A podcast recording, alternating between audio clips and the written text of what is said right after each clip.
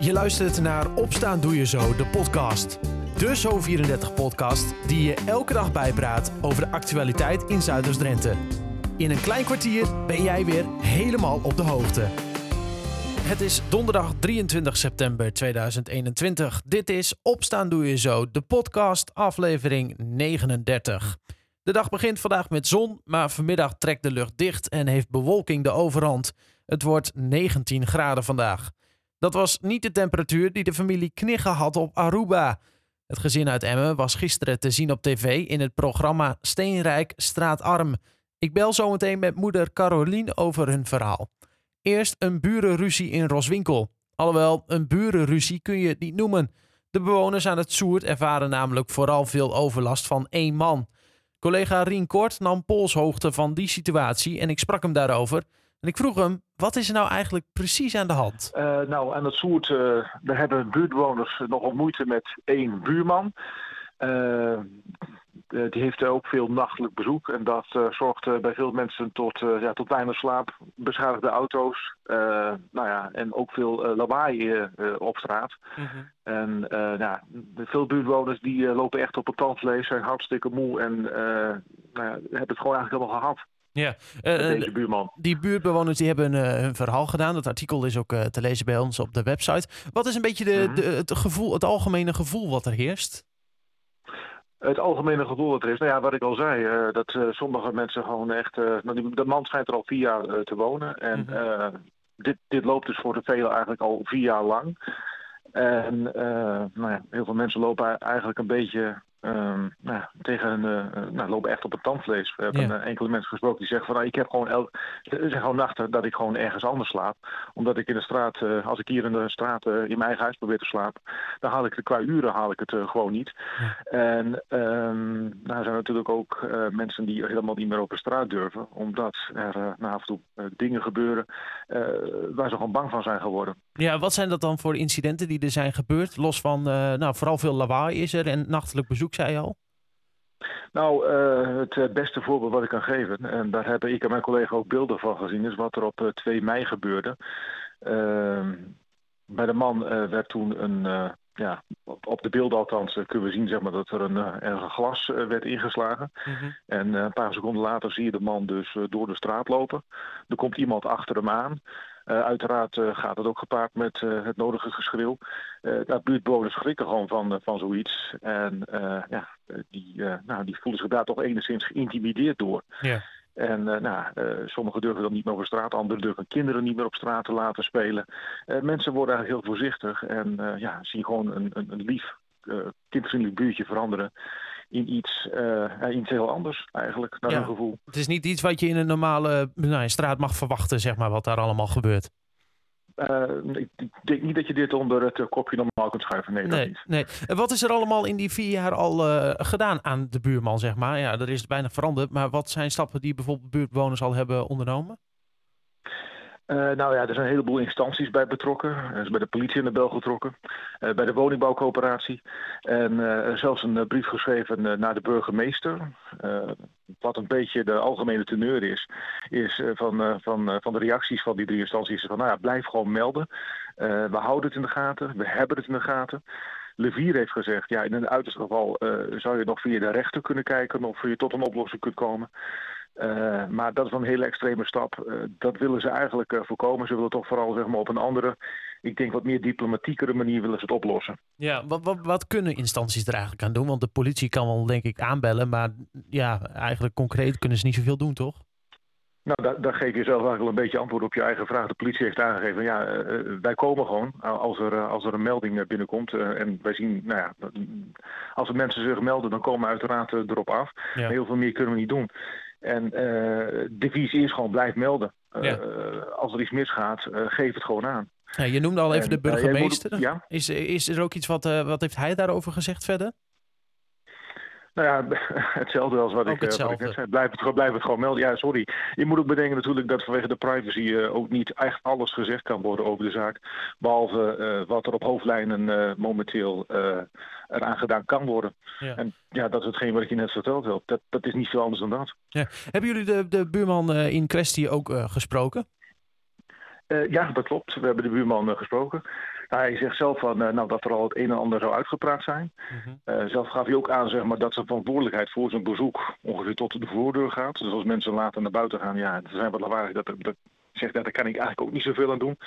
En hij heeft daarnaast ook nog gezegd dat hij bepaalde mensen ook niet meer uitnodigt. En ja, of dat voldoende is, dat weet ik niet. vanuit de buurt in ieder geval zijn de meningen daar wel uh, enigszins over verdeeld. Ja, uh, hoe, hoe, omschrijft hij verder zelf uh, zijn band met de buurtbewoners of heeft hij daar geen uitspraak over gedaan? Uh, daar heeft hij verder rest geen uitspraak over gedaan. Dus dat zou ik je niet kunnen zeggen. Maar ja, ik denk wel dat er enigszins, uh, je kunt voor mij wel stellen dat er enigszins sprake is van spanning, ja. Ja, ja precies. Spanning op de lijn. Uh, hoe nu verder? blijft het echt bij melden, melden, melden? Of is het zo van, nou, misschien dat het nu, is, is er een lichtje aan het eind van de tunnel? Ja, ik, ik heb geen glazen bol, Jeffrey. Dat, dat zou ik je zo niet, niet, niet kunnen zeggen. Wat ik al zei, uh, ze hebben deze situatie, uh, de instanties hebben deze situatie gewoon op het oog. Ja. dat wordt gewoon gevolgd. En welke stappen genomen gaan worden, ja, dat, dat valt vanaf hier niet te zeggen. Het hele verhaal over de situatie is na te lezen op onze website zo34.nl of in onze app. In dat verhaal lees je dan ook alle uitgebreide reacties van bewoners uit de straat. Zometeen in deze podcast hoor je het verhaal van Carolien Knigge. Zij verbleef eerder dit jaar een week lang met haar gezin op Aruba. Gisteren waren hun avonturen te zien op tv en straks vertelt ze erover. Eerst het laatste nieuws uit Zuidoost-Drenthe. In Erika is een schuur bij een woonboerderij woensdagavond verwoest door een uitslaande brand. Even voor 11 uur ontstond er door een nog onbekende oorzaak brand in de schuur aan de Veenschapswijk, waarna er alarm werd geslagen. Brandweerkorpsen uit Emmen, Klazineveen, Emmen-Kopaskum, Schonebeek en Zwinderen rukten uit om het vuur te bestrijden. Volgens de woordvoerder van de brandweer werd alles op alles gezet om te voorkomen dat de vlammen ook grip zouden krijgen op het woonhuis naast de schuur. Er vielen in ieder geval geen gewonden, wist de brandweer te melden. De mannen uit Duiven en Nederhorst den Berg die verdacht worden van grootschalige hennepteelt bij een woning aan de Schietbaanweg in Emmen, blijven de komende maanden achter de tralies. Dat bepaalde de rechtbank in Assen gisteren. De advocaten van beide verdachten vroegen gisteren tijdens de eerste openbare zitting in de zaak om hun cliënten vrij te laten in afwachting van de inhoudelijke rechtszaak. De rechtbank vindt de verdenkingen daarvoor te ernstig. En drie voertuigen zijn woensdagmiddag op de Hondsrugweg in Emmen met elkaar in aanrijding gekomen. De inzittenden zijn op verwondingen gecontroleerd door het ambulancepersoneel. Een van hen is voor nader onderzoek naar het ziekenhuis overgebracht. Door het ongeval ontstond een flinke hinder voor het overige verkeer. De politie doet nog onderzoek naar de oorzaak van het ongeval. Voor meer nieuws uit de regio kun je altijd terecht op zo34.nl of in de gratis app. Steenrijk Straatarm is een programma van SBS 6 en gisteren was daar een gezin uit Emmen te zien, de familie Knigge. Ik spreek moeder Carolien, want ik ben natuurlijk benieuwd naar hoe ze het ervaren hebben. Maar eerst vooraan beginnen, want hoe is het eigenlijk allemaal begonnen? Nou, dat is uh, gekomen doordat uh, wij zitten bij een, uh, een voedselbank voor dieren. Ja. En dat is Vul Mijn Bakje. Mm -hmm. Dus daar, via hun zijn wij eigenlijk hier in, voor in aanmerking gekomen, zeg maar. Ja. Omdat er een oproep was via hun. Ja. ja, en jullie dachten van, nou, we melden ons gewoon aan. Ja, en ook, ook via, via omdat ze ons dat zo gunden. Dus uh, omdat de mensen ons kenden, zeg maar, hebben ze ons uh, ook uh, aangemeld, zeg maar. En wij zelf ook. Ja. Dus, ja. Want, want even voor de, voor de, voor de duidelijkheid, ja, jullie gezin valt in die, in die laatste categorie, dus straatarm. wat, wat is de situatie precies? Want meestal is er dan wel een verhaal. En die van jullie is volgens mij wel, nou ja, bijzonder, maar eigenlijk niet zo mooi. Nee, nou ja, goed. Uh, mijn man die uh, heeft dus een niet aangeboren hersenletsel. Mm -hmm. En uh, wij hebben dus twee autistische kinderen. Nou ja, waaronder dus één wat dus wel een normale, normale functie heeft, zeg maar. Maar goed, ik heb ontzettend veel zorg naar mijn, naar mijn gezin toe. Dus zodoende dat er ook niet veel financiële dingen binnenkomen, omdat ik gewoon geen tijd meer over heb. Nee, snap je? Ja, nee, ja, ik snap het helemaal. Uh, kijk, en de, de, liefde voor je gezin is natuurlijk het allerbelangrijkste. Ja, ja dat klopt. Ja. Ja, Hoe ziet een, uh, een, een, normale week er bij, uh, bij jullie uit? heel gestructureerd, zeg maar. Dus mm -hmm. ja, zoals onze twee autistische kinderen, die moeten wel weten van tevoren van hoe, uh, hoe de week gaat lopen of een dag gaat lopen. Want we, wij leven per dag natuurlijk. Ja. Dus uh, ja, Dus ik heb dus ook een, een bord waar alles, waar alles op staat. En dan weten ze precies hoe de dag gaat lopen, zeg maar. Ja, dus ja. zo, zo, doen we dat meestal, ja. Ja, dus normaal gesproken is alles heel gestructureerd. En nou uh, was er ineens even een weekje bij uh, die uh, nou ja, toch iets minder gestructureerd denk ik verliep. Want jullie mochten, mochten weg. Dat was gisteren te zien in, in, op de televisie. Want je ruilt al met een, een ander gezin, hè? Ja, ja dat klopt, ja. Ja, en, en Ja. waar gingen jullie naartoe? Wij gingen naar Aruba. ja, dat, Ja. ik denk niet dat je dat van tevoren had verwacht. Nee, wij wisten echt werkelijk nergens van af. Nee. Tot, tot op het moment dat we op Schiphol zelf waren. Toen, eh, toen kregen we de envelop. En daar stond Aruba op. Dus ja, dat was wel een eh, hele verrassing. Ja. Maar ook een, ook een droom wat voor mij uitkwam. Ja, maar nou ja, goed, een droom. Ik denk dat iedereen wel een keer naar Aruba wil. Ja, ja. ja. Eh, Maar, maar even, want ik ben niet een eh vervent volger van het programma, moet ik eerlijk bekennen. Maar is het normaal dat je altijd naar het, eh, naar het buitenland gaat? Of wordt er ook vooral geruild met gezinnen in Nederland bijvoorbeeld? Ja, vooral ook in Nederland. De, dus het komt nu een, eh, een seizoen aan dat, eh, dat er ook een heleboel naar het buitenland gaan. Ah, kijk, kijk aan. Van Ja. dieren. Nou ja, eh, en toen kwam je op Aruba een week lang. Hoe was dat? Want dat is wel even een, een omschakeling, denk ik, op de positieve manier. Ja, ja, dat was een hele omschakeling. Maar ook wel heel, he- heel ontspannend. Ja, dat Want, kan ik me voorstellen. maar je hoeft er niet na te denken van, van eh, hoe, hoe kom ik deze week rond. Nee, Snap je? nee. het, Want, eh, want, hoe zag die week er precies uit? Nou, het was eh, zeg maar, hoe heet het, een weekplanning wat, wat dus op, op de koelkast stond, zeg maar. Daar stond op van, dat wij zouden gaan uiteten en we zouden activiteiten doen met golfen en, en shoppen. Mhm. Dus ja, en eh, een dagje strand. En eh, wij hadden een date. Dus ook een beetje wat, eh, wat, eh, wat zij zeg maar allemaal deden eh, daar in Aruba, zeg maar. Ja, precies. Eh, En voelde het dan eh, als een soort eh, vakantie of een uitje? Of wat voor gevoel had je erbij? Nou, ik had echt wel een vakantiegevoel eigenlijk. Ja, je Dus, wordt, wordt ja. even verlost zeg maar, uit, het, uit de dagelijkse sleur.